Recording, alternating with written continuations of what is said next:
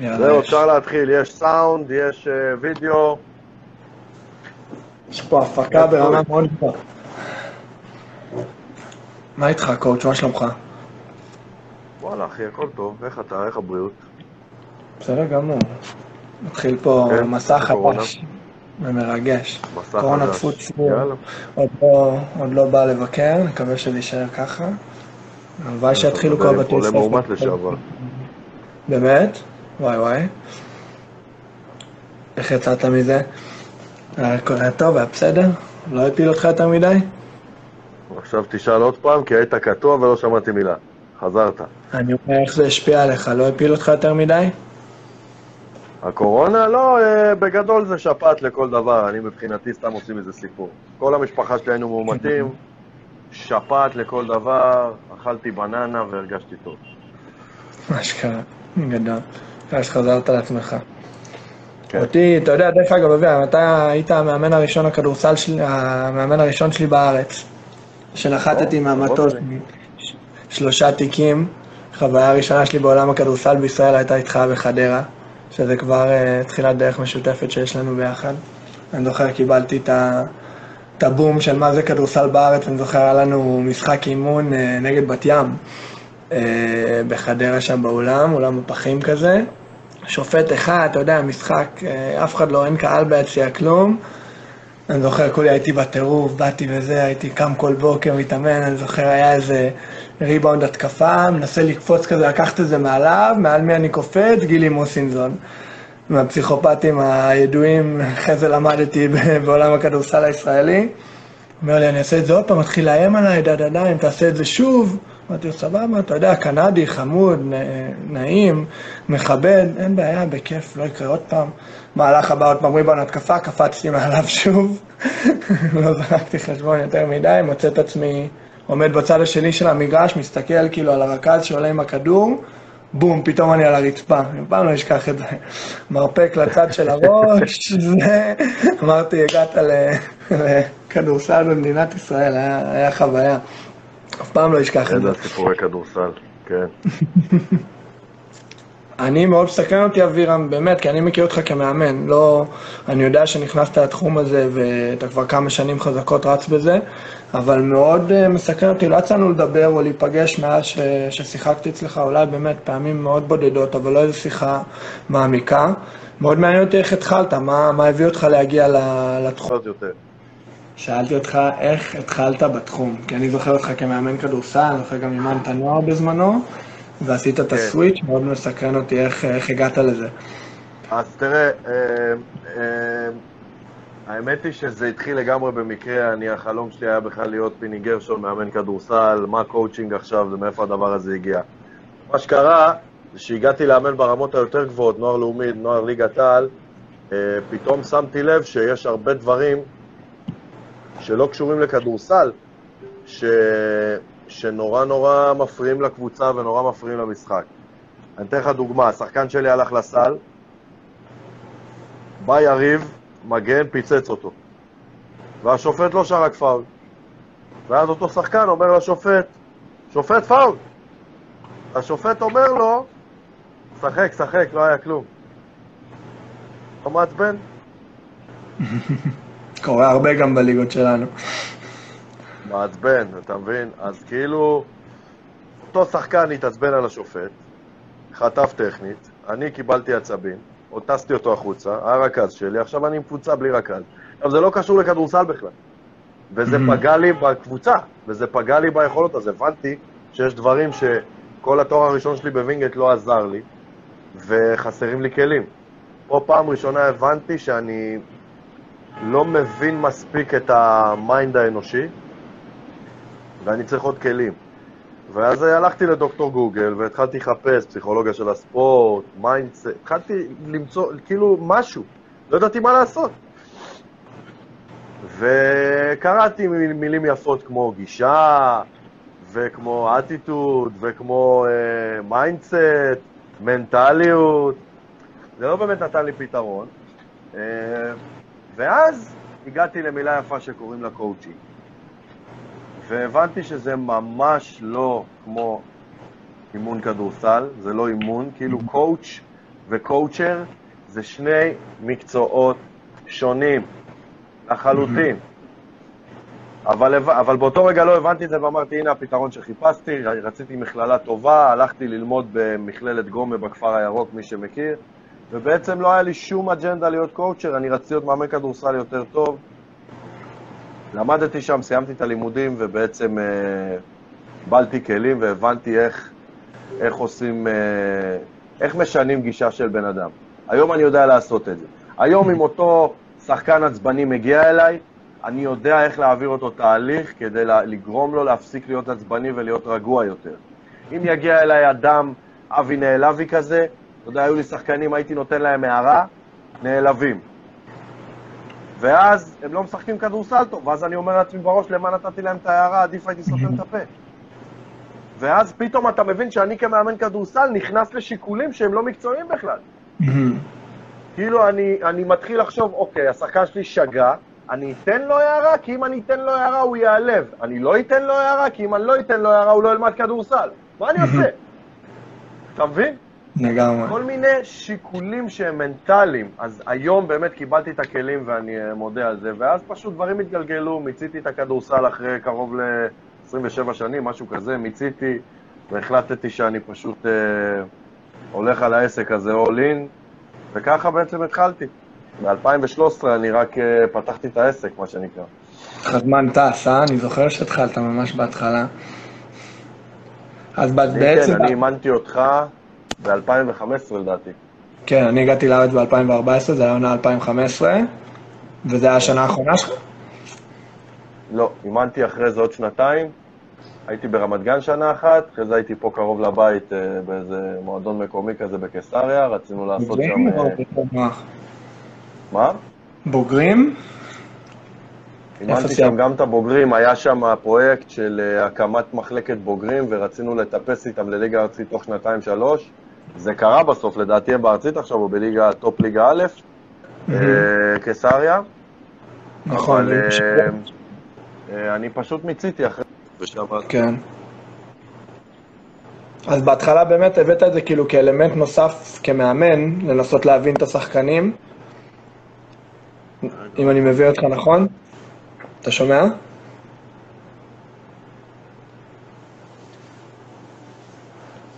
אחלה אינסטגרם, אחלה פייסבוק. עצם זה שהלייב הזה קורה, מראה כמה אנחנו לא מוותרים. איפה הפרצוף שלך? עכשיו אתה איתי? אתה שומע? הנה, הנה אני. כן. כן. יאללה. אז אני אומר, בעצם בהתחלה עשית את זה כמשהו מתווסף כמאמן, כאילו עשית את זה כאלמנט נוסף, לעזור לך להיות מאמן יותר טוב, כן. ואז באיזה שלב כן. הבנת שכאילו אתה יכול לעשות מזה קריירה טוטאלית רק מהקואוצ'ריות? כשעשיתי את הסטאז', כשסיימתי את ה... לא ידעתי שאני עוד יכול להתפרנס מזה, כי לא הבנתי דבר וחצי דבר בעסקים עדיין, אבל, אה, אבל כשהגעתי לשלב הסטאז' בסיום הלימודים, אמרו לי במכללה, צא מהמגרש הביתי, ואל תאמן כדורסלנים. אנשים רגילים, מה שנקרא. אמרתי להם, בסדר, מה, אני רוצה את הדיפלומה.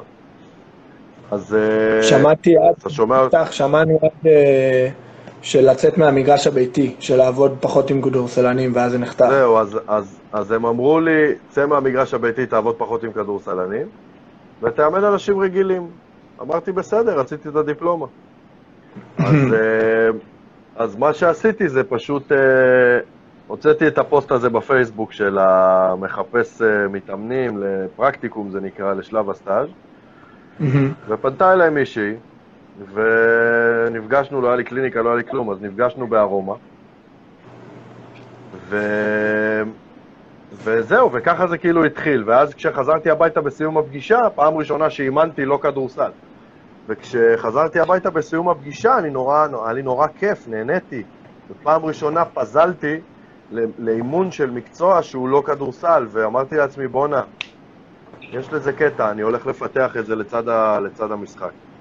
שם זה ננטע לראשונה במוחי. אתה עכשיו, כשאתה מנווט את זה, אתה יותר עובד, אתה יותר בצד של הקואוצ'ינג, יותר בצד של ליווי עסקי ולעזור לאנשים שרוצים להתחיל להיות מאמנים אה, מנטליים וקואוצ'רים, לפתח את העסק שלהם, איך, איך היית מגדיר את, ה, את התחום שלך כרגע? תראה, בגלל שאני כבר uh, ותיק, אז uh, אני, אני יכול uh, לראות לכמה נישות. בתחילת דרכי עבדתי רק עם ספורטאים הישגיים, כדורסלנים, כדורגלנים וכולי. בהמשך התחלתי קצת לפזול לכל מיני אנשים שרוצים להצליח בקריירה שלהם. בגדול הקהל שלי זה אנשים שיודעים מה הם רוצים, חולמים את זה, חיים את זה, אבל לא מצליחים בזה. Mm-hmm. הם בתחתית הסולם, וזה מתסכל אותם. Mm-hmm. הם רוצים להיות מה שנקרא באנגלית, קוראים לזה high performance coach, אוקיי? מי שפונה ל high performance coach או ל mental toughness coach זה אנשים שהם יודעים מה הם רוצים, פשוט רוצים לשפר ביצועים, להיות יותר טובים בזה, והם לא מצליחים להגיע לטופ. היום אני מלווה גם קואוצ'רים. פתחתי חברה שנקראת סטנדרט בית למאמנים, כמו שרשמת בפרומו, נכון. והיום אני מכשיר קואוצ'רים להצליח בפסגה שלהם, בסוף קואוצ'ר הוא גם שחקן שרוצה להצליח בתחום שלו, מי כמוך יודע, אתה בראשית הדרך. ו- וזה קשה, זה מסע לא קל. קואוצ'ר היום צריך לדעת לנהל עסק, הוא צריך לדעת לשווק, הוא צריך לדעת למכור, הוא צריך לדעת לתכנן תקציב שנתי, הוא צריך לדעת תמחור, והוא צריך לדעת גם לאמן. כאילו, את כל הקטע המקצועי. מה? ולשלב ביניהם, נכון. ומאמן כדורסל צריך לדעת רק לאמן כדורסל, הוא שכיר. אין לו את הבעיות האלה. אין לו את הכאבי ראש האלה. וזה ההבדל המאוד מאוד מאוד גדול, כי אין עבודה, כי אין, עד כמה שידוע לי, אין עבודה כשכירים בעולם הקואוצ'ינג, זה איזשהו משהו שאני מנסה ליצור את זה בתוך סטנדרט. אנחנו עוד לא שם, אבל יש לנו כבר אה, תוכניות בכיוון הזה, ולהיות באמת הגוף היחידי שמספק עבודה כשכירים לקואוצ'רים. זה אחד החלומות הגדולים שלי ושל נטלי, השותפה שלי. אה, אני מקווה שנגיע לשם. אתה בסטנדרט, אתם גם מכשירים מאמנים כרגע? מה, מה ההצעות שלכם בעיקר? או שאתם יותר קואוצ'רים בשביל קואוצ'רים? יש לכם גם תעודה? לא, אנחנו לא קואוצ'רים לקואוצ'רים. מה שאנחנו עושים זה ככה. קודם כל, לסטנדרט, אה, סטנדרט לא מעביר הכשרת מאמנים. בסטנדרט אתה יכול להתקבל רק אחרי שאתה מאמן מוסמך. סטנדרט הוא ארגון שקודם כל, בראש ובראשונה, אתה שומע אותי או שנחתכתי? לא, לא, אני איתך. כל פעם מתגלגל לי העיגול הזה של הטעינה אצלך על הפרצוף. ואני אגיד לך אם זה נחתך. אוקיי, אז בגדול סטנדרט הוא ארגון שבראש ובראשונה מוכר שירותי אימון לקהל הרחב, אוקיי? זה מה שאנחנו עושים. אתה רוצה מאמן? תפנה אליי. אני אתאים לך את המאמן הנכון, את המאמן המתאים. מה קורה? היום מתאמן מחפש קואוצ'ר, והוא אבוד. כל השוק מוצף, יש מיליון קואוצ'רים מכל הסוגים ומכל הצבעים. איך לקוח אמור לדעת מי הקואוצ'ר המתאים לו? אתה מבין? אז בסטנדרט, מה שעשינו זה יצרנו פורמט של שיחת התאמה. לקוח מתקשר אלינו, אומר לי, שלום, סטנדרט בית למאמנים, אני מחפש מאמן. ואני מתחיל לתחקר אותו. באיזה עניין, מה המטרה שלך, מה אתה רוצה להשיג, מאיפה אתה בארץ, אתה מעדיף גבר, אתה מעדיף אישה, ואני עושה בשבילו את התיווך, מה שנקרא. ומתאים לו את אחד ממאמני הבית. זה קודם כל. אז במקום הראשון, סטנדרט הוא ארגון שמוכר שירותי אימון, אוקיי? בכובע השני, אנחנו הרי, אה, אנחנו אה, מכשירים מאמנים מוסמכים להיות הכי טובים שהם יכולים. אני נותן להם את ההכשרה העסקית ומלווה אותם במקום הזה. אני נותן להם עוד הסמכות מקצועיות והתמחויות מקצועיות כדי שיהיו קואוצ'רים יותר טובים. אני מלווה אותם מבחינת פיתוח נישה. אני מלווה אותם מבחינת בניית זהות כמאמן. אני עוזר להם, אני מביא להם הפניות מלקוחות. Mm-hmm. אני, עוש, אני נותן להם מעטפת שלמה, יום רביעי הקרוב, מחר, מחר בשבע יש לנו ערב מאמנים. אנחנו mm-hmm. קהילת מאמנים צומחת ומתפתחת שעובדת יחד כדי להגשים חלומות משותפים. כי בסוף מאמן אה, מה שנקרא, he's a lonely wolf, מה שנקרא. כולם עובדים כעצמאים, כל אחד צריך לבנות את עצמו, כן. עדיין כשכירים. לגמרי, שחקן נמצא בקבוצה, מאמן הוא כאילו עם הקבוצה, אבל בתכלס הוא בצד. אם אין לו צוות, כמו ב-NBA, הוא לבד, הוא בודד. וגם בתוך הקליניקה שלי, שבה אני יושב עכשיו, אוקיי? כאילו, בא מתאמן, הולך מתאמן, בא מתאמן, הולך מתאמן, ואני נשאר לבד, אני בודד. ובתוך סטנדרט יצאנו קהילה, אז המאמנים עובדים ביחד. עכשיו, מצ... מהבחינה של המתאמן, ופה הכל מתחבר, אנחנו מלמעלה, יש לנו סופרוויזר מקצועי, שזה חונך לקואוצ'רים, אוקיי? ואנחנו בעצם מפקחים על התהליך, שהוא מתנהל בצורה איכותית, שהמאמן לא עושה מה שבא לו כי התחום פרוץ, mm-hmm. ובעצם המתאמן יכול לדעת שהוא בידיים טובות, כי בתכלס, היום אתה לא חייב לעשות הסמכה כדי להיות מאמן. כל, כל חמור יכול ללכת לבית דפוס, להוציא כרטיס ביקור, לקרוא לעצמו מאמן. אין חוק. אז בתוך סטנדרט יש חוק. ומי ששרלטן לא מתקבל. חייב הסמכה מקצועית. ואז המאמן יודע, המתאמן יודע שהוא בידיים טובות. ו- וזה יתרון עצום. אם המאמן מתנהג בצורה שאינה הולמת, מאחר, עושה שכונה, לא יודע מה, הוא יכול לפנות אליי, להגיש תלונה, ואני אתחשבן עם המאמן. לא שזה קורה, כי אני מלכתחילה רק מקבל אנשים תותחים. כן. אבל עדיין המתאמן יכול לדעת את זה, אז הכל הכל הכל הכל מתחבר מהבחינה הזאת. אז גם המאמן בידיים טובות נכנס לתוך בית, גם המתאמן בידיים טובות כי הכל מפוקח, גם המתאמן בידיים טובות כי הוא מקבל מאמן איכותי שכל הזמן משקיע במקצועיות שלו, גם המתאמן מקבל שיחת התאמה, המאמן מקבל הפניות, כולם מרוויחים. נשמע שזה באמת מעטפת כזאת, שגם למאמנים, גם בתחילת הדרך וגם אלה שהם יותר בכירים ומנוסים וזה, זה ממש נותן להם כלים כזה מכל הכיוונים, גם מבחינת השיווק, גם מהפן העסקי, גם מבחינת הפניות, גם מבחינת זה, וגם למתאמנים שהם מחפשים, הם מקבלים משהו יותר ספציפי, זה לא לראות, לזרוק איזה אבן לאוקיינוס ולקוות למצוא משהו שבאמת מתאים לך. תחילת שבוע, לא, יום שישי בצהריים צלצלה אליי אה, לקוחה, ואמרה לי, אני רוצה אה, מאמנת שמומחית בתעסוקה, יש לי אה, הזדמנות לקידום. עכשיו, יש לי בסטנדרט מאמנת תותחית לשינוי, לשינוי מקצועי, להסבת מקצועית ולקידום במקום העבודה. תותחית, מקבלת בהרצליה, לילך גוטמן שמה, מלכה. ישר אה, הפניתי אותה אליה, זאת גרה בעמק חפר, זאת גרה בהרצליה. קליק מיידי. סגור. עכשיו, היא המאמנת המדויקת עבורה, היא בדיוק מה שהיא צריכה. היא לא הייתה מוצאת אותה בחיים, אם היא לא הייתה פונה אליי. מה זה לא הייתה מוצאת אותה בחיים? אולי היא הייתה מוצאת אותה אם היא הייתה מחפשת, אבל היא לא הייתה... מחפש ב blind לעומת לקבל משהו שהרבה יותר ממוקד. כן, זה, זה התפקיד שלי בסטנדרט. כשאני מקבל טלפון מלקוח, אני יודע להתאים. לצורך העניין, אתה נכנס עכשיו לתחום הזה, אתה מאמן מנטלי לספורטאים, אני מניח שאתה הולך לנישה הזאת, לא? לאט לאט, כן. יותר לשנות הרגלים וזה, וגם ללוות אה, ילדים ובני נוער מבחינת אורח חיים בריא. גם, אני מנסה, כמו שאמרת, מאוד אהבתי את המשפט הזה, לצאת מהמגרש הביתי. כאילו, לא בהכרח רק כדורסלנים וספורטאים, אבל להגדיל אוקיי. קצת ראש. אה, בוא נגיד לצורך הדיון שאתה מאמין מנטלי לספורטאים, בסדר? ואתה נכנס אליי לסטנדרט, ואני מקבל טלפון מלקוח, ו... והוא אומר לי, אני רוצה מאמן, ואני אומר לו, תספר לי קצת את עצמך. הוא אומר לי, אני שחקן כדורעף במטה אשר. אני צריך מישהו שמבין ספורט, מבין הישגיות, מבין את הלחצים של ספורטאים, מבין את המקום הזה. אתה יודע, אני מפנה אליו את שון אשכנזי, אני מסדר, אני מתווך לו, במילים אחרות, את שון אשכנזי. זה, זה, זה כאילו, זה פרפקט מאץ', זה כאילו אתה הבן אדם הנכון עבורו. אתה מבין? זה קונספט מדהים. ואז אתה מקבל את המתאמנים הכי מדויקים שאתה רוצה, כי זה האנשים שאתה הכי טוב איתם, והכי רוצה שישבו בקורסה שלך.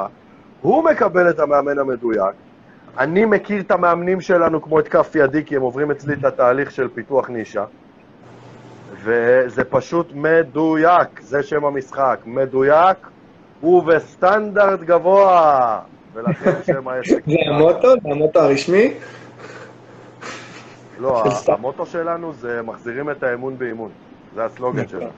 אני גם, שמע, הקונספט הזה... במידה מסוימת אנחנו עושים מלחמה גם תדמיתית. שמע, יש לנו בסטנדרט אה, מחלקה שלמה של הסברה, שהתפקיד שלה היא בעצם לחנך את הציבור מחדש ולתת, ש, שיחזיר את האמון באימון, כי, כי התדמית לא טובה.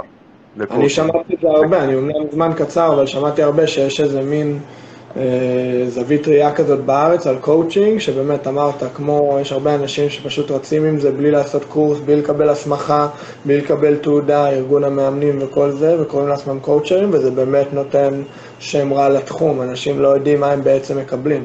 לגופים כמו נכון. סטנדרט, כך קריטי. אני גם, אני כל כך מקווה שנגיע לשלב כמו על מה שאתם עובדים, שבאמת יעבדו כשכירים ולא כולם יהיו עצמאיים. פתאום אתה תראה אגודות כדורסל עם מאמנים מנטליים, פתאום אתה תראה ארגונים אה, בהייטק, מה שזה עולה מבחינת אה, עבודות. לגמרי, לגמרי, וזאת הבעיה. עכשיו, תשמע, זה מפריע לנו ברמה האישית, שאני שומע, תשמע, אתה יכול לפגוש בן אדם ברחוב ויגיד לך, שון, מה אתה עושה בחיים? תגיד לו, אני מאמן. הוא יגיד לך, איזה מאמן? תגיד לו, מאמן מנטלי. הוא יגיד לך, חרטטן, בקיצור. מזלזל. אה, אתה מבין? עכשיו, כאילו זה מקצוע שאנחנו גאים בו, אנחנו מבינים את הערך שלו, אבל הקהל הרחב לא בהכרח. אה, לא היה לך כוח להשקיע בפסיכולוגיה, הלכת להיות מאמן, אה? כל מיני כאלה משפטים שבא לך להרוג אנשים. כן. אז uh, בסטנדרט אנחנו uh, נלחמים נגד התופעה הזאת, כי הציבור לא בור מהבחינה הזאת, הוא לא מבין בהכרח. אז יש את אלה שחיים ונושמים את זה וכל הזמן רואים סרטונים, ואותם אני לא צריך לשכנע, אבל יש את אלה שפשוט לא יודעים. ויש את אלה שיודעים, אבל הם לא מבינים את ההבדל בין מאמן מוסמך למאמן שלא הוסמך, שהוא שרלטן לתפיסתנו. ואז להם אנחנו גם נותנים הסברה. אה, אז אנחנו עושים הרבה הרבה הרבה מאמצים בשביל שהציבור ילמד, וככל שנגדל, נוכל לפרוס זרועות אה, רחוק, רחוק יותר כן. בהסברה. שיותר אנשים לאט לאט יפגשו את הצד הזה של הקואוצ'ינג ולא רק את, ה...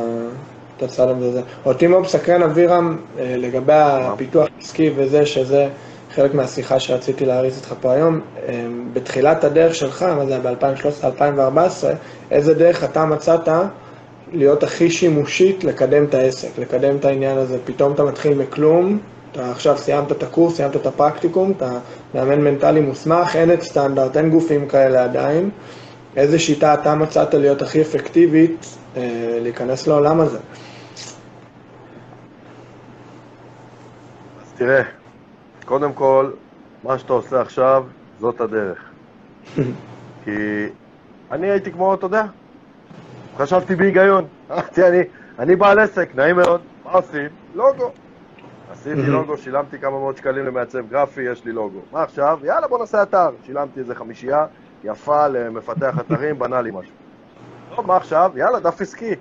ואז, שים לב טוב, לקחתי מאמרים מהאתר שלי, קופי פייסט לכתובת, ושמתי אותם בפייסבוק לשיתוף. פשי. לא עזר. לא עזר, לא באו לקוחות.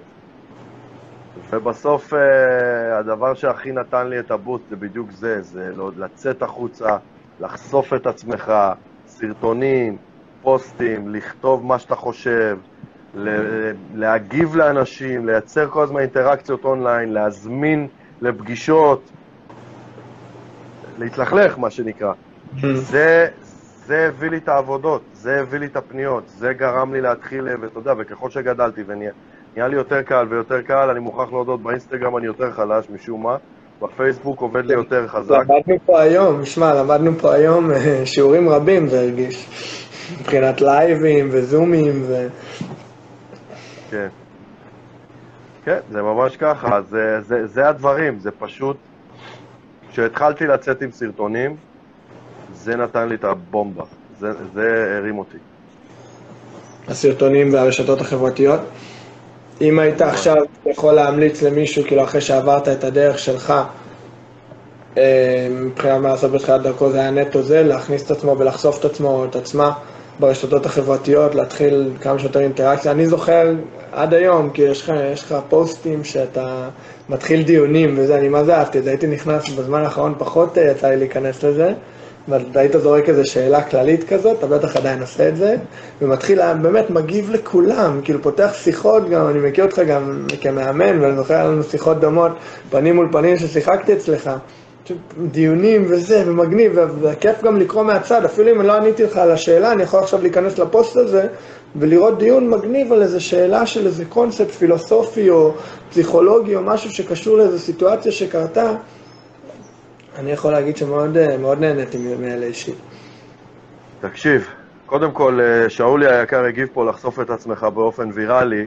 אני מסכים איתו, הלוואי וכל הפוסטים היו ויראליים, ואנחנו ללא ספק ב-2021, אבל הוויראלי לא תמיד בשליטתנו, הלוואי, הלוואי והייתה לי את הנוסחה להיות תמיד ויראלי. אז בגדול, חלק מהפוסטים מביאים לי צרצרים, חלק מהפוסטים מביאים לי תתחומני, אה, חלק מהפוסטים מביאים לי חיפושיות, אבל בשאיפה להצליח להיות ויראלי. בגדול גם כמובן נכנס פה פרסום ממומן, כשאתה כבר עסק יותר מתקדם ואתה מתחיל אה, לעלות למעלה. אבל לגבי מה שאתה אמרת, אה, אני מסכים איתך במאה אחוז, כאילו, בסוף פייסבוק זה רשת חברתית.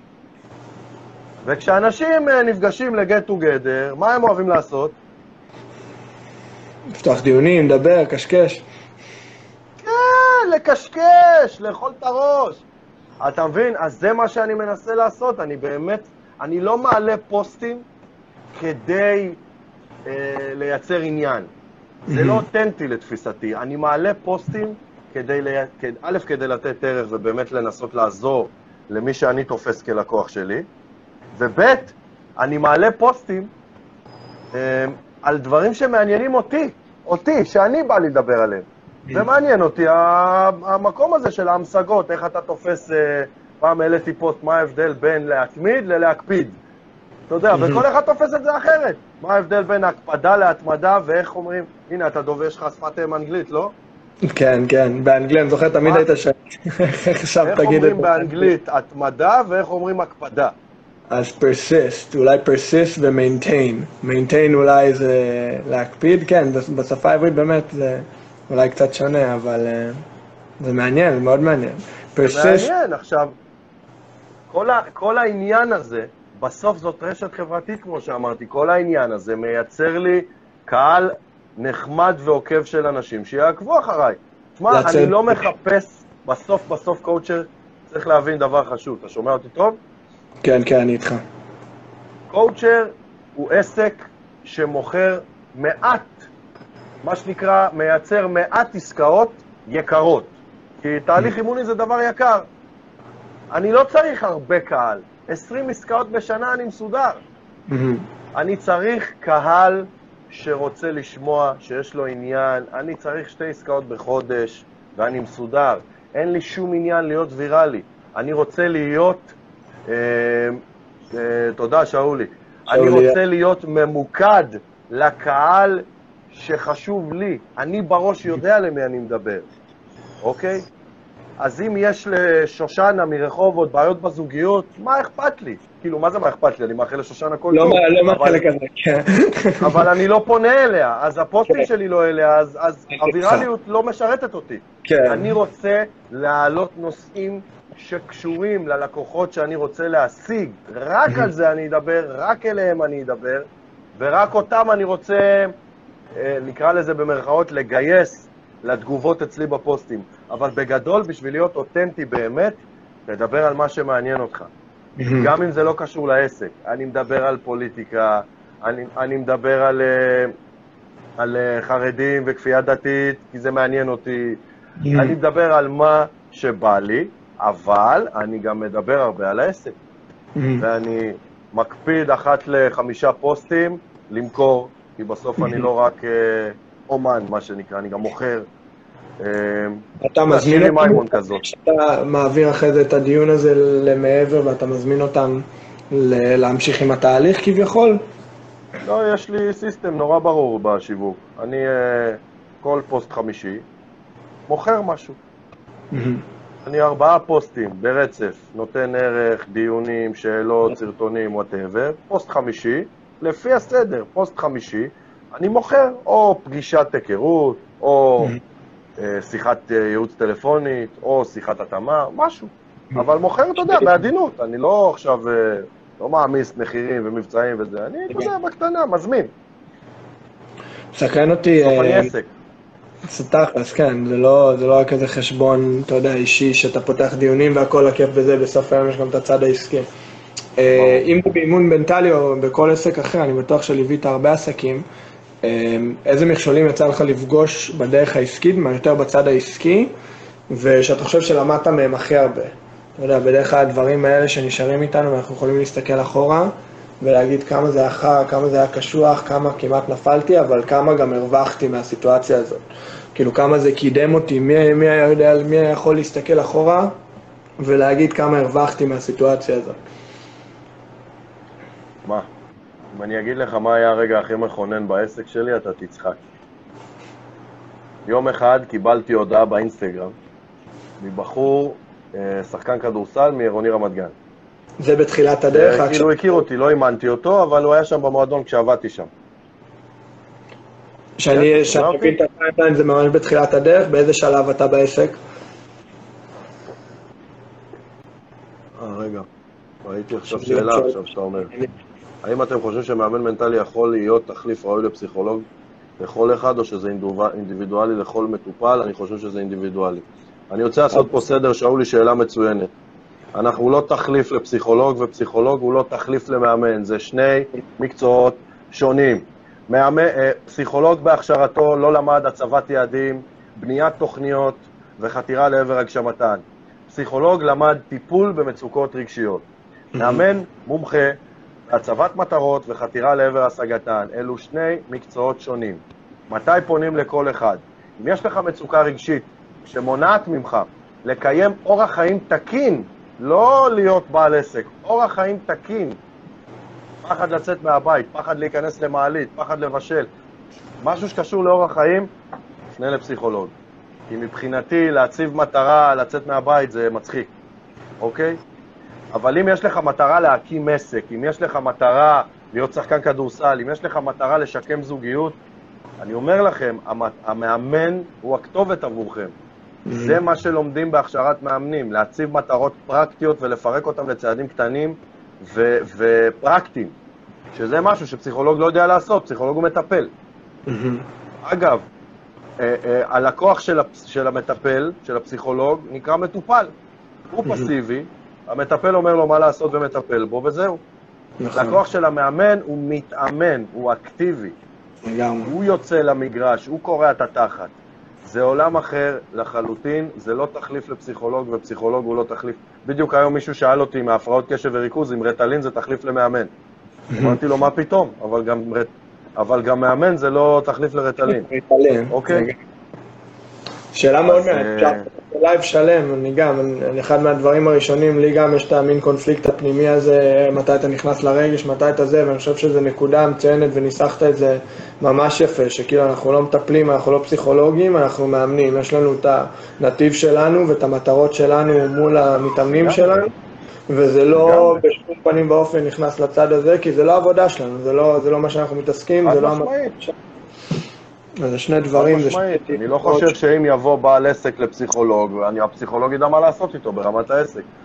ו- ואני לא חושב שאם מישהו יבוא עם, עם רצון לרדת במשקל, או עם רצון uh, ליצור uh, תקשורת טובה בזוגיות, הפסיכולוג בהכרח ידע מה לעשות איתו, זה לא דברים שהוא הוסמך. זה לא בהכשרה, הפסיכולוג יודע לטפל במצוקות רגשיות. זהו. לא, לא שאני מזלזל בזה, כן? אבל זה לא אימון. Uh, לשאלתך הקודמת, uh, הרגע המכונן שהיה לי בעסק, תקשיב טוב. יום אחד אני מקבל הודעה באינסטגרם מבחור שהכיר אותי מרמת גן, והוא רשם ככה: אה, היי שפיץ, מה קורה? אה, רציתי לשאול לגבי קואוצ'ינג, כמה זה עולה? כאילו אני מוכר אה, צו בשוק. שתיים בעשר. אז אמרתי, טוב, כן, אמרתי, טוב, איך אני עונה לו על זה? ואתה יודע, זה הפעיל אותי, וגרם לי, סליחה, זה גרם לי לשבת ו- ולנסח תשובות ולבנות איזושהי תוכנית, איזושהי הצעת מחיר, ופתאום לראשונה הייתי בעל עסק. בניתי הצעת מחיר. הוא לא סגר, אבל הוא פתח לי את הראש. פתח לי את הראש לחלוטין. ומהרגע הזה הבנתי כמה כוח יש ל... להיות מוכן עם תשובות לשאלות, כמה כוח יש להצעת מחיר מסודרת כדי למכור ולסגור עסקה. הבנתי כמה צריך להיות uh, מוכן בשיווק, כדי שכשפנייה תגיע תדע, תדע מה להגיד ללקוח. זה פתח לי את הראש, זאת עבודה ענקית, בניית עסק. ענקית. ואני חושב שזה היה הרגע הכי מכונן בעסק, ממש ככה, ששאלו אותי באינסטגרם כמה זה עולה. מה קורה, שפיץ? כמה זה עולה? אז... אה, להתחיל להניע את הגלגלים ולתת את זה. כן, כאילו, מה עונים? איך עונים? מה עושים איתו? היו עוד שאלות כאלה ממש. שהתקלו אותך, שכאילו גרמו לך פתאום להסתכל על הדברים בצורה חדשה? היו עוד שאלות כאלה שמה? שהתקילו אותך, שגרמו לך פתאום להסתגל? כי אני, אני חושב... היית קטוע? מה זה? אני אומר שהתקילו אותך, שאלות כאלה שפתאום זה, אתה חווה את זה פעם ראשונה בעסק, פעם ראשונה יותר בוא נעשה את זה ספציפי לאימון מנטלי. להיות קואוצ'ר שבאו אליך עם זה. אה, אני חושב ש... היו הרבה כאלה, אני חושב שהרגע השני המכונן שהיה לי זה שאני כשיצאתי לדרך, היום אני, אה, בחנוכה אני חוגג 37 כבר. מזל טוב. אה, ואשריך, ויש עוד זמן. עוד רבעון, יש עוד רבעון. אבל לדרך המקצועית שלי יצאתי כשהייתי בן... העסקית, סליחה, כשהייתי בן 28. ועשיתי פעם ראשונה פגישה בבית קפה אחרי תקופת סטאז' עם איזושהי מישהי שפנתה אליי בקשר לקידום במקום העבודה. ישבנו בבית קפה, אה, הצגתי לה את עצמי, הצגתי לה את התוכנית שלי, טה-טה-טה, ופתאום היא שאלה אותי, היא הייתה מבוגרת ממני, ופתאום היא שאלה אותי, "אה, אבירם, יש לי שאלה, אני אומר לה, מה? אתה לא חושב שאתה צעיר מדי? כאילו, אני מבוגרת ממך, אני בת 39, אתה בן 28, כאילו... אתה יודע, התקילה אותי פתאום. שאלה? לא ידעתי מה לענות לה. זרקה לך קרבבול. ממש. והיא לא סגרה, גמגמתי, לא, היא לא סגרה, ואז הלכתי הביתה, ומצאתי את עצמי יושב שעה וחושב מה אני עונה בפעם הבאה שמישהי שואלת אותי את זה. כי ישאלו אותי את זה. לגמרי. ועד שלא הייתה לי תשובה, לא הלכתי לישון, וככה ככה התפתחתי. כל פעם, אני תמיד אומר, ותשמע טוב את החוק הבא.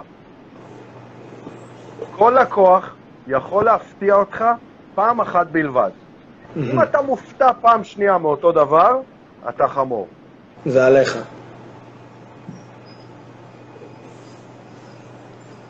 אתה איתי, אתה שומע? אני אומר, כן, אני שמעתי, שמעתי מעולה. אני אומר, אם אתה מופתע פעמיים, זה עליך, זה אתה לא עשית את העבודה. בדיוק. פעם ראשונה כל אדם יכול להיות מופתע. תשמע, כל אחד שומע פעם ראשונה, פעם ראשונה משהו. אבל, אה, פעם- אבל אז תלך הביתה, וזה לגיטימי שלא תדע לענות בשלוף לכל שאלה. אבל אז לך הביתה, ותחשוב על תשובה לפעם הבאה שישאלו אותך. כי שאלו אותי מלא שאלות פעם שנייה ופעם שלישית ופעם רביעית ופעם חמישית. ואז תחשוב שאני בא פעם שנייה ושואלים אותי, תגיד, אתה לא חושב שאתה צעיר מדי? ואז אני בום, שולף לה. תשמעי, אני אולי צעיר, אבל השאלה הזאת לא רלוונטית. מה שרלוונטי זה מה הוותק שלי. ואני כבר תשע שנים בעל עסק, ואני 27 שנים הייתי בתחום הכדורסל, מתוכם 17 שנה הייתי באימון כדורסל. אני שנים מעביר תהליכים אנשיים. את רוצה, את יכולה לפנות לגבר בן 52 שעשה הסבת מקצוע לפני שלוש שנים, אז הוא בן 52, אבל הוא שלוש שנים מאמן. ופתאום התשובה שלי אומרת, בואנה, God damn it, איפה חותמים? show me the dotted line. עכשיו, בדיוק. אז זה, זה הרעיון. זה אדיר לכל דבר.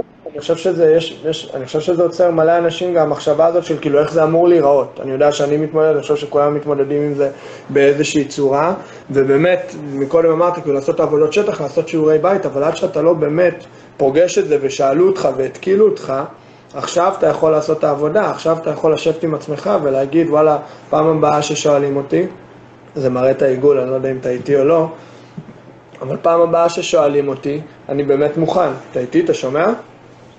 עכשיו אני שומע, כן.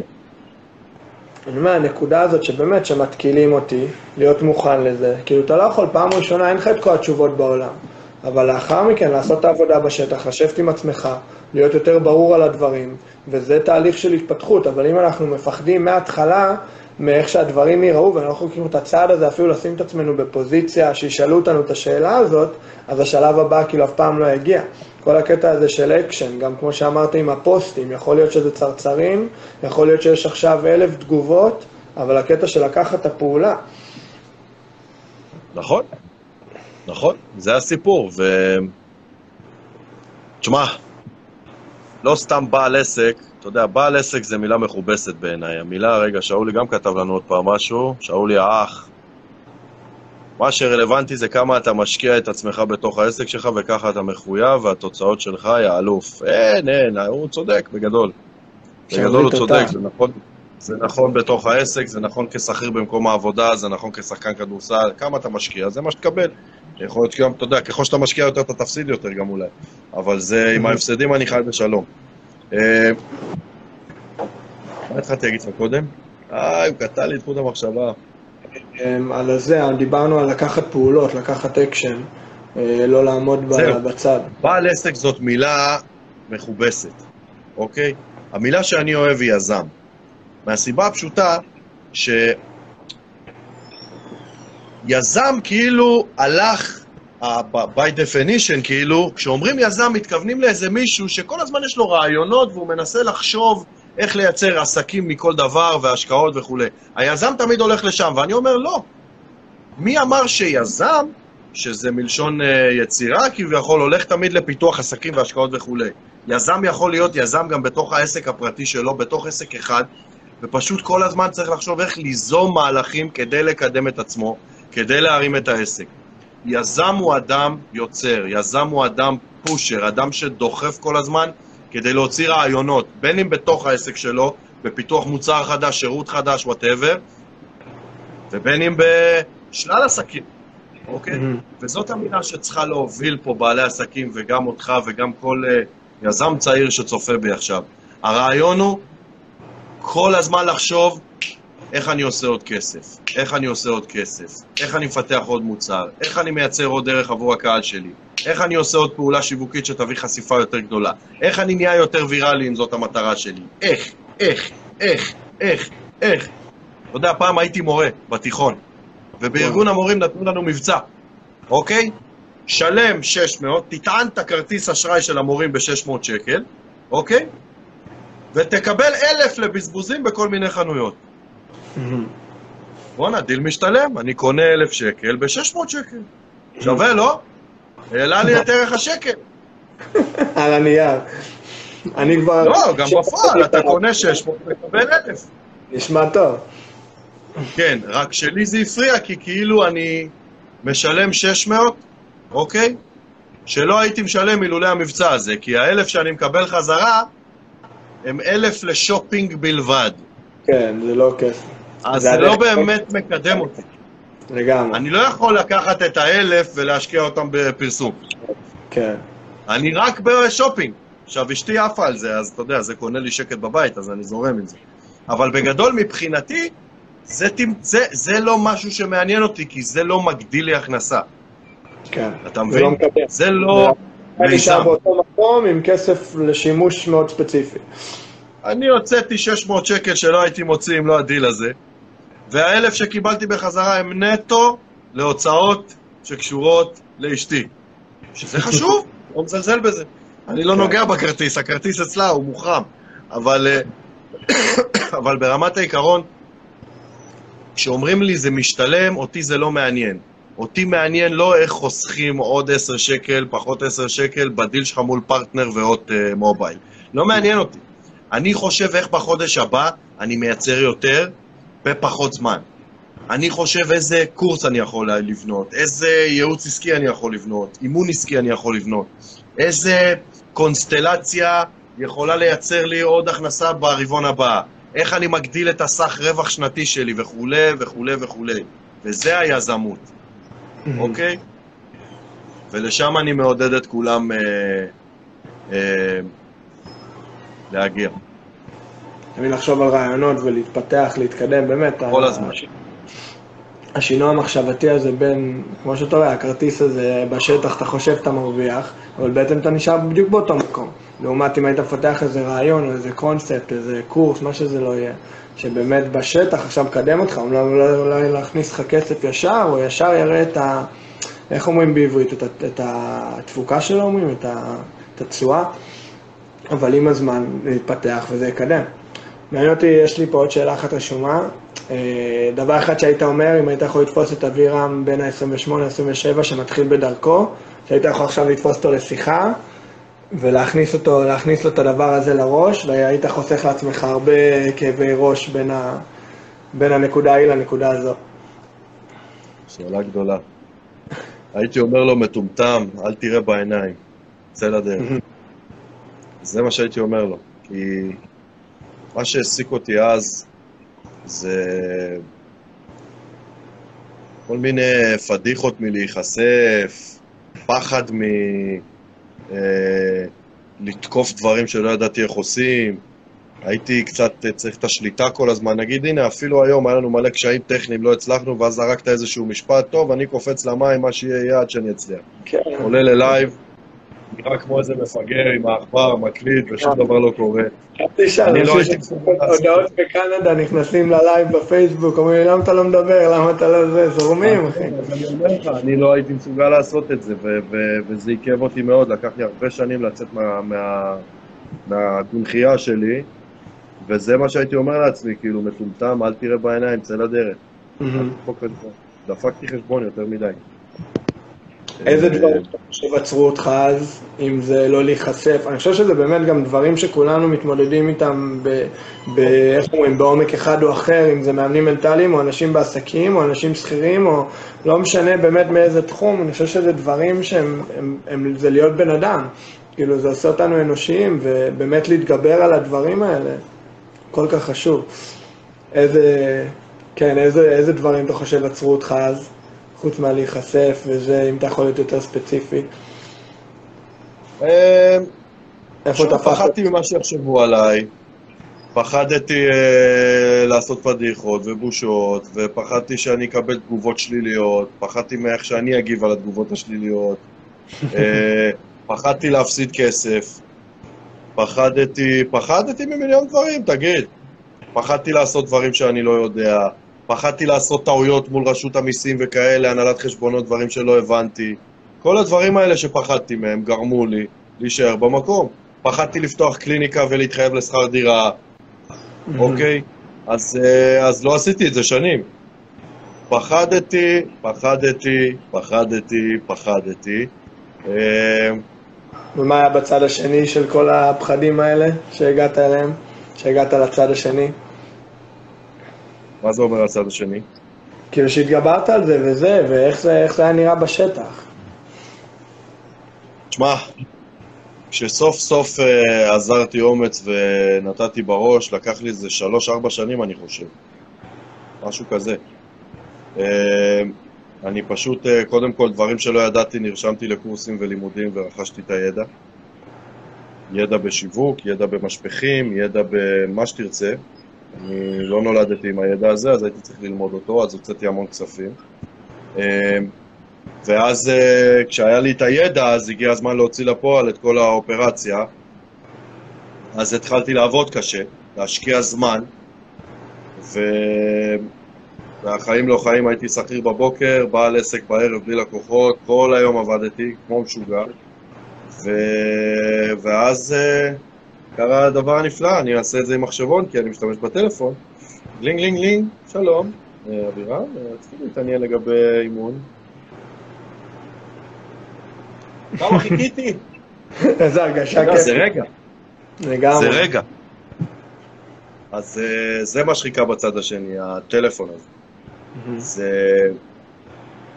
הרגשה שאי אפשר לתאר.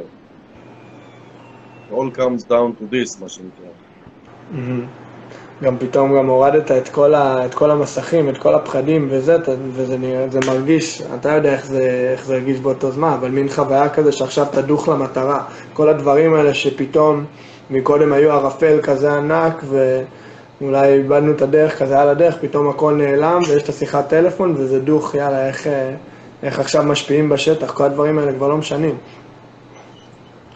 כן, תשמע, זה לא שאחריו הוא סגר, וזה לא שאחריו קיבלתי אה, מיליון סגירות, זה עוד סגירה פה ועוד סגירה שם, ופתאום הייתי עם ארבעה מתאמנים, ופתאום הייתי עם חמישה מתאמנים, ואתה יודע, לאט לאט צמחתי, אבל, אבל אה, זה כמו שאמרת, זה, זה נתן לי איזשהו סוג של אישור שהדברים שאני עושה עובדים. מהמם. כשאתה בעל עסק בראשית הדרך, התסכול הגדול ביותר הוא שאתה בחוסר ודאות, אתה לא יודע אם הפעולות שאתה עושה טובות בכלל. מהמם. אתה לא יודע אם מה שאתה עושה הוא נכון. אין את המאמן לידך שיגיד לך אה, עבודה טובה, לא עבודה טובה, תרים יותר את הרגל פעם הבאה, תכניס את המרפק, תיישר את הזה 60 מעלות. אין את, ה... את הפידבק הזה לידך כל הזמן, אתה לבד. וזה נורא קשה. אם הדרך שלך באמת עובדת ומקדמת אותך, אם אתה פשוט במקום, אתה לא באמת יודע. אתה לא יודע. זה נורא, אז אתה לא יודע, אם אתה, אם אתה פועל לא נכון, אז אתה, אתה ממשיך לעשות שטויות. אם אתה פועל כן נכון, אתה יכול לתקן את זה בטעות ולפעול לא נכון אחר כך, כי שינית, כי אתה מיד... לגמרי. וואו, זאת הרגשה קשה. אז, אה, אז אה, כשסוף סוף קיבלתי פניות, אתה יודע, קיבלתי אישור שכנראה מה שאני עושה, אני עושה טוב. ואז, אה, אתה יודע, אתה מקבל ישר את הבוסט של הדרייב, ואתה ואז לוחץ עוד על הגל. חיזוק עוד עבודה, ואז כבר מי יכול לעצור אותך. בדיוק, אבל זה נורא קשה, זה, זה הכוח הכי גדול, אני חושב, של מאמן, שהוא הוא יכול להיות לידך ולפד... או, או אפילו של יועץ או מנטור, הוא יכול להיות לידך ולפדבק, ו... ו... כמה ערך יש לדבר הזה, שמישהו שיודע נמצא אצלך במגרש. לכוונן את הדרך. בוא נראה מה רשמו פה, ונראה לי נתחיל לכיוון סיום, נסיים עם זה. אה, שאולי כמובן. אה, איפה הגבול בין להיות יזם ולנסות להתרחב לאלה שבאמת צריכים, או האם חשוב לך התרחבות עסקית או להישאר מחויב, יותר זמין למטופלים הקבועים שלך. נראה לי היה לנו את הדיון הזה לא מזמן, אני והוא. אה, העניין הזה של, יש לך עכשיו כבר קבוצה של מטופלים, מתאמנים, ואתה מקדיש להם את השבוע שלך, השבוע שלך די מלא. האם עכשיו אולי, או אפילו יותר, חמישה, עשר, חמש עשרה, האם מבחינתך מגיע שלב שאולי עדיף לך להוריד מטפל, מטופל שניים, מתאמן שניים, ולתת את האנרגיה הזאת להתרחבות עסקית, אם אני מבין אותו נכון, מתקן אותי אם אני טועה, אבל היה דיון דומה לפני לא מזמן, ולהקדיש את האנרגיה הזאת להתרחבות עסקית, ובעתיד יבואו יותר מתאמנים, אולי מתאמנים שמשלמים לך איזה רף יותר גדול של הכנסה, ואז, אתה יודע, מבחינה עסקית אתה יכול פחות מתאמנים, אותה הכנסה, עוד פעם, שחרר לך זמן לדברים אחרים. השיקול הזה של התרחבות עסקית, אה, מתאמנים, להשקיע במתאמנים הנוכחיים שלי, התרחבות עסקית, להשקיע במתאמנים הנוכחיים, איך אתה מצליח לבנות? אז רגע, שאלה של... זאת שאלה מעניינת, והשאלה הראשונה שהוא שאל, איפה הגבול? אה, זה אותו דבר. אה, תראה, זה, קודם כל זה אינדיבידואלי. זה, אין פה, אה, אה, אני חושב ככה, אז עכשיו כולם צריכים לעשות את זה. זה, זה מאוד אינדיבידואלי. אה, אם יבוא מאמן ויגיד שהחלום שלו זה לאמן שמונה, עשרה לקוחות, מתאמנים, ושאר הזמן להיות בעיה לשחק מתקות. כאילו, אז אין פה, ש... אין פה שאלה. אבל אם החלום שלך הוא אה, להגיע לשמונה עשרה מתאמנים, ואז לפתח סדנאות, ואז להוציא קורסים, ואז לעשות את זה ואת זה ואת זה, על הכיפאק. עכשיו אתה פשוט, זה, זה פקטור של זמן.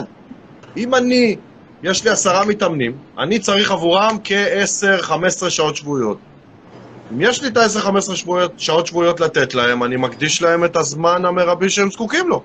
מהמם. כאילו, אז גם אם אני מתרחב עסקית, זה לא על חשבונם. בוא, אם מישהו שילם לי 450 שקל למפגש, אני נותן לו עבור המפגש, עבור התשלום, מפגש שבמפגש אני כל כולו עבורו. נגמר המפגש, זהו, ואני יכול לעשות מה שבא לי. אני לא בדילמה הזאת בכלל. מגיע לו מפגש. אוקיי.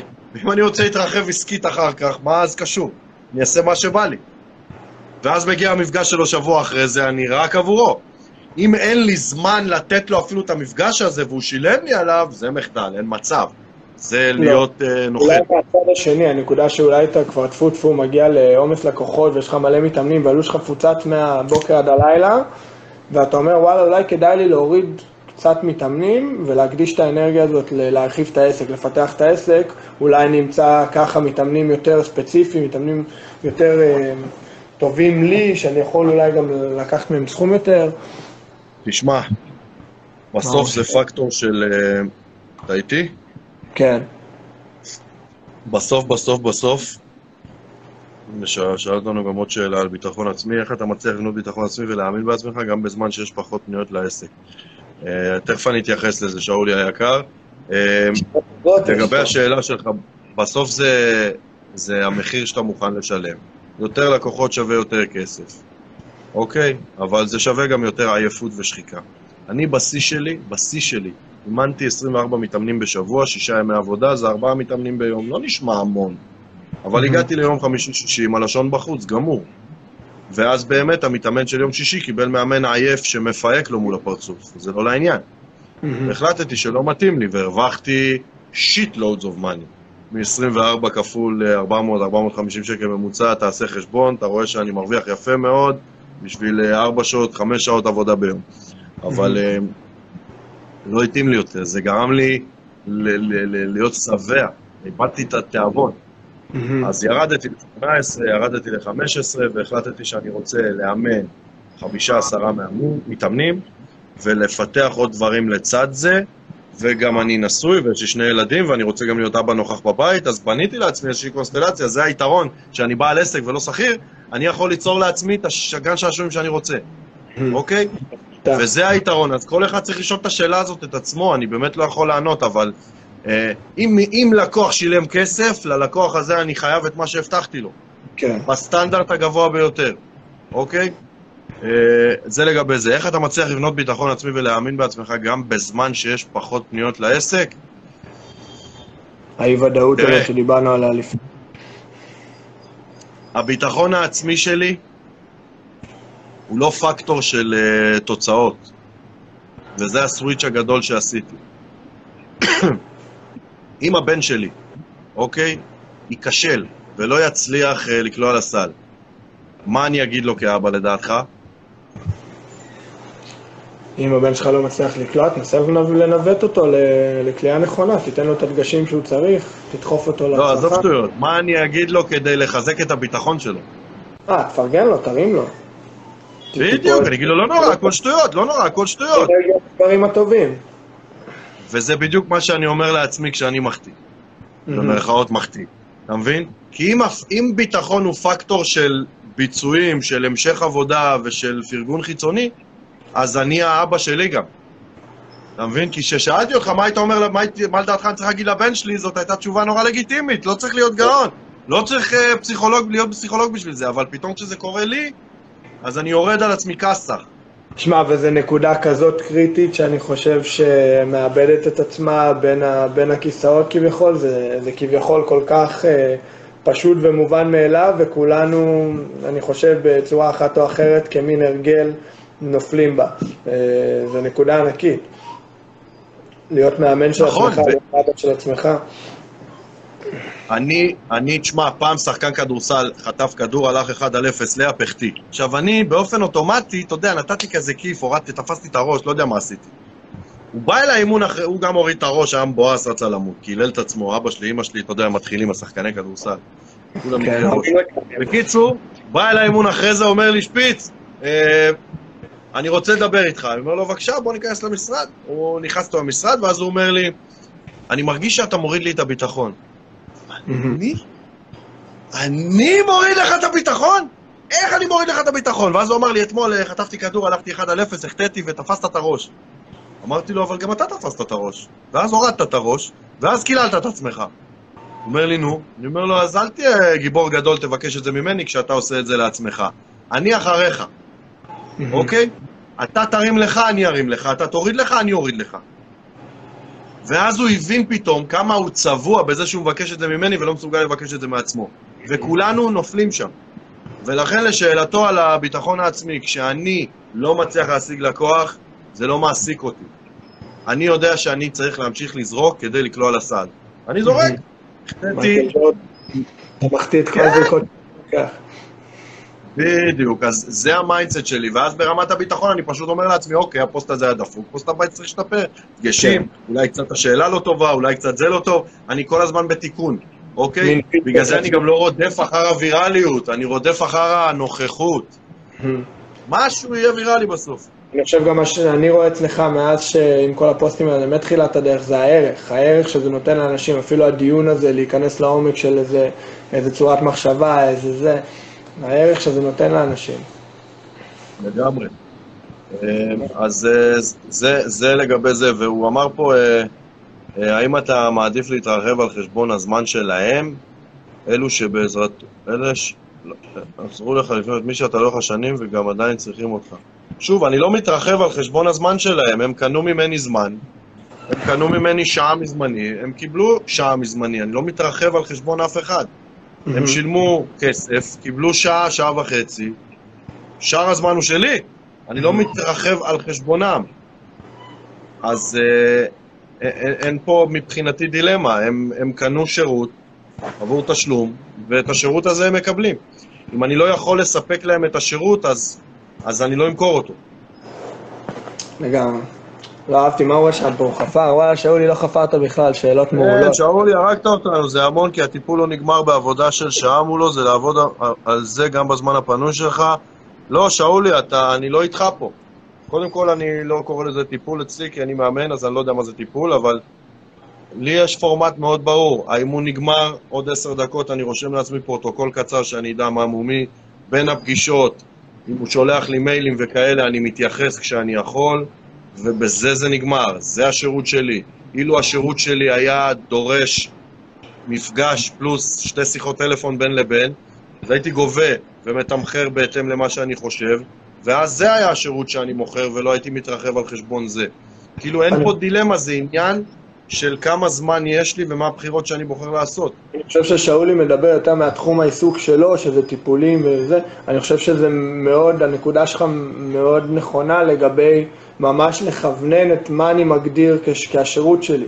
להיות מאוד ברור עם זה, בדיוק. אם זה הודעות, אם זה מיילים, אם זה נטו השעה וחצי שלי מול הבן אדם, ואז יש לך תבנית מאוד ברורה למה זה כולל ומה זה לא כולל, וכמו שאתה אמרת לפני, הזמן שהוא, זהו, נגמר הטיפול, התבנית הזאת הסתיימה, עכשיו הזמן הזה מעבר, הוא שלי לעשות אה, מה שבא לי איתו. זה בדיוק העניין, אז כאילו... אה, רגע, אני מקווה שאני אצליח להטעין, יכול להיות שאני אברח לך באמצע, מה, אני בלי סוללה כבר פתאום.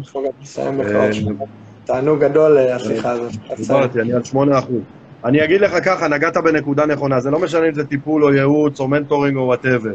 אני יודע בדיוק מה השירות שאני מוכר, מה היקפו מבחינת זמנים, והתכוונתי שהמפגש הולך איתך אחר כך, חושב על המפגש, ועליך אני בונה את המפגש הבא. אה, גם, כמה מאוד זמן שאולי ברור. עושה את מה שהוא רוצה? אה, אני חושב שהוא נכנס לזה שאולי מטפל? שנתיים. הבנתי. Uh, תקשיב, אני אגיד לך משהו שהסופרוויזרית שלי היקרה, נטלי, שהיא גם השותפה שלי, uh, אמרה לי. אם אתה עובד קשה מדי, יש פה פער מקצועי. אין Mhm. סיבה שהמפגש ילך איתך אחר כך וישפיע על החיים שלך בצורה כזאת חזקה, ועל לחשוב כל כך הרבה על המפגש הבא. זה הכל עניין של תכנון, uh, ולא צריך לקחת את זה בצורה כזאת, כי אין שום סיבה שאתה תעבוד יותר קשה ממה שאתה צריך. אין שום סיבה, אתה לא תחזיק ככה מעמד, העבודה הזאת היא לא פשוטה, שחיקה. רגשית, ו... ואתה צריך למצוא לך את הדרך שבה אתה תחזיק מעמד לאורך זמן, כי זה מרתון ולא ספרינט. אז שאולי זה, זה פחות אימון, הוא, הוא עובד מסאג'יסט, אז יותר עבודה פיזית, אבל גם אותו, אותו איך אומרים, אותו קונספט אה, תופס, אתה, אתה, אתה נשחק פיזית, אתה נשחק, אתה נותן את האנרגיה שלך לאלף כיוונים, אני חושב שמה שאמרת מקודם, ההגדרה הזאת, לכוונן בדיוק את ה, מה השירות שלי כולל ומה הוא לא כולל, מאיפה אני, איפה הקו, גם עם המחשבות שלי, גם עם האנרגיה שלי מול עצמי וגם מול הלקוח, ואז הכל נהיה יותר ברור, הכל יש לו סדר. אה, בתוך, אה, בתוך התהליך. גם אנחנו, שאולי, עכשיו תקשיב, אני עם אפס בסוללה, אני חושב שזה. הזמן אה, עשיתי על העניין של הביטחון, המיינדשט שלי, כל עוד אני נותן את המאה אחוז שלי, אני בראש שקט. זה מזכיר לי הרצאה של ג'ון וודן, שהייתי עושה עם חטיבות ביניים ותיכונים, ועדיין מריץ אותה לפעמים, שהוא מגדיר הצלחה, איך ג'ון וודן, מאמן UCLA האגדי, מגדיר הצלחה, איך הוא אמר לקבוצות שלו לאורך השנים, עם ביל וולטון וקרים. אני מגדיר הצלחה, הצלחה מבחינתי זה לתת את המאה אחוז שלי, לדעת שאני עשיתי את הכי טוב שאני יכול לעשות, שאף אחד מבחוץ יכול להגיד לי שלא עשיתי מספיק טוב. אני מול עצמי יודע שאני עשיתי את המאה אחוז, את הכי טוב שאני יכול לעשות, וזה אני מגדיר עם עצמי הצלחה. לגמרי, אני, אני, זה המיקוד בביצועים ולא בתוצאה. אם, אם למדתי למבחן שבוע, קראתי את התחת, זה לא מבטיח 100. ואם קיבלתי 50, אני חי עם עצמי בשלום, כי קראתי את התחת, אבל אם קיבלתי 100 ולמדתי שעה, אני לא אחיה בשלום.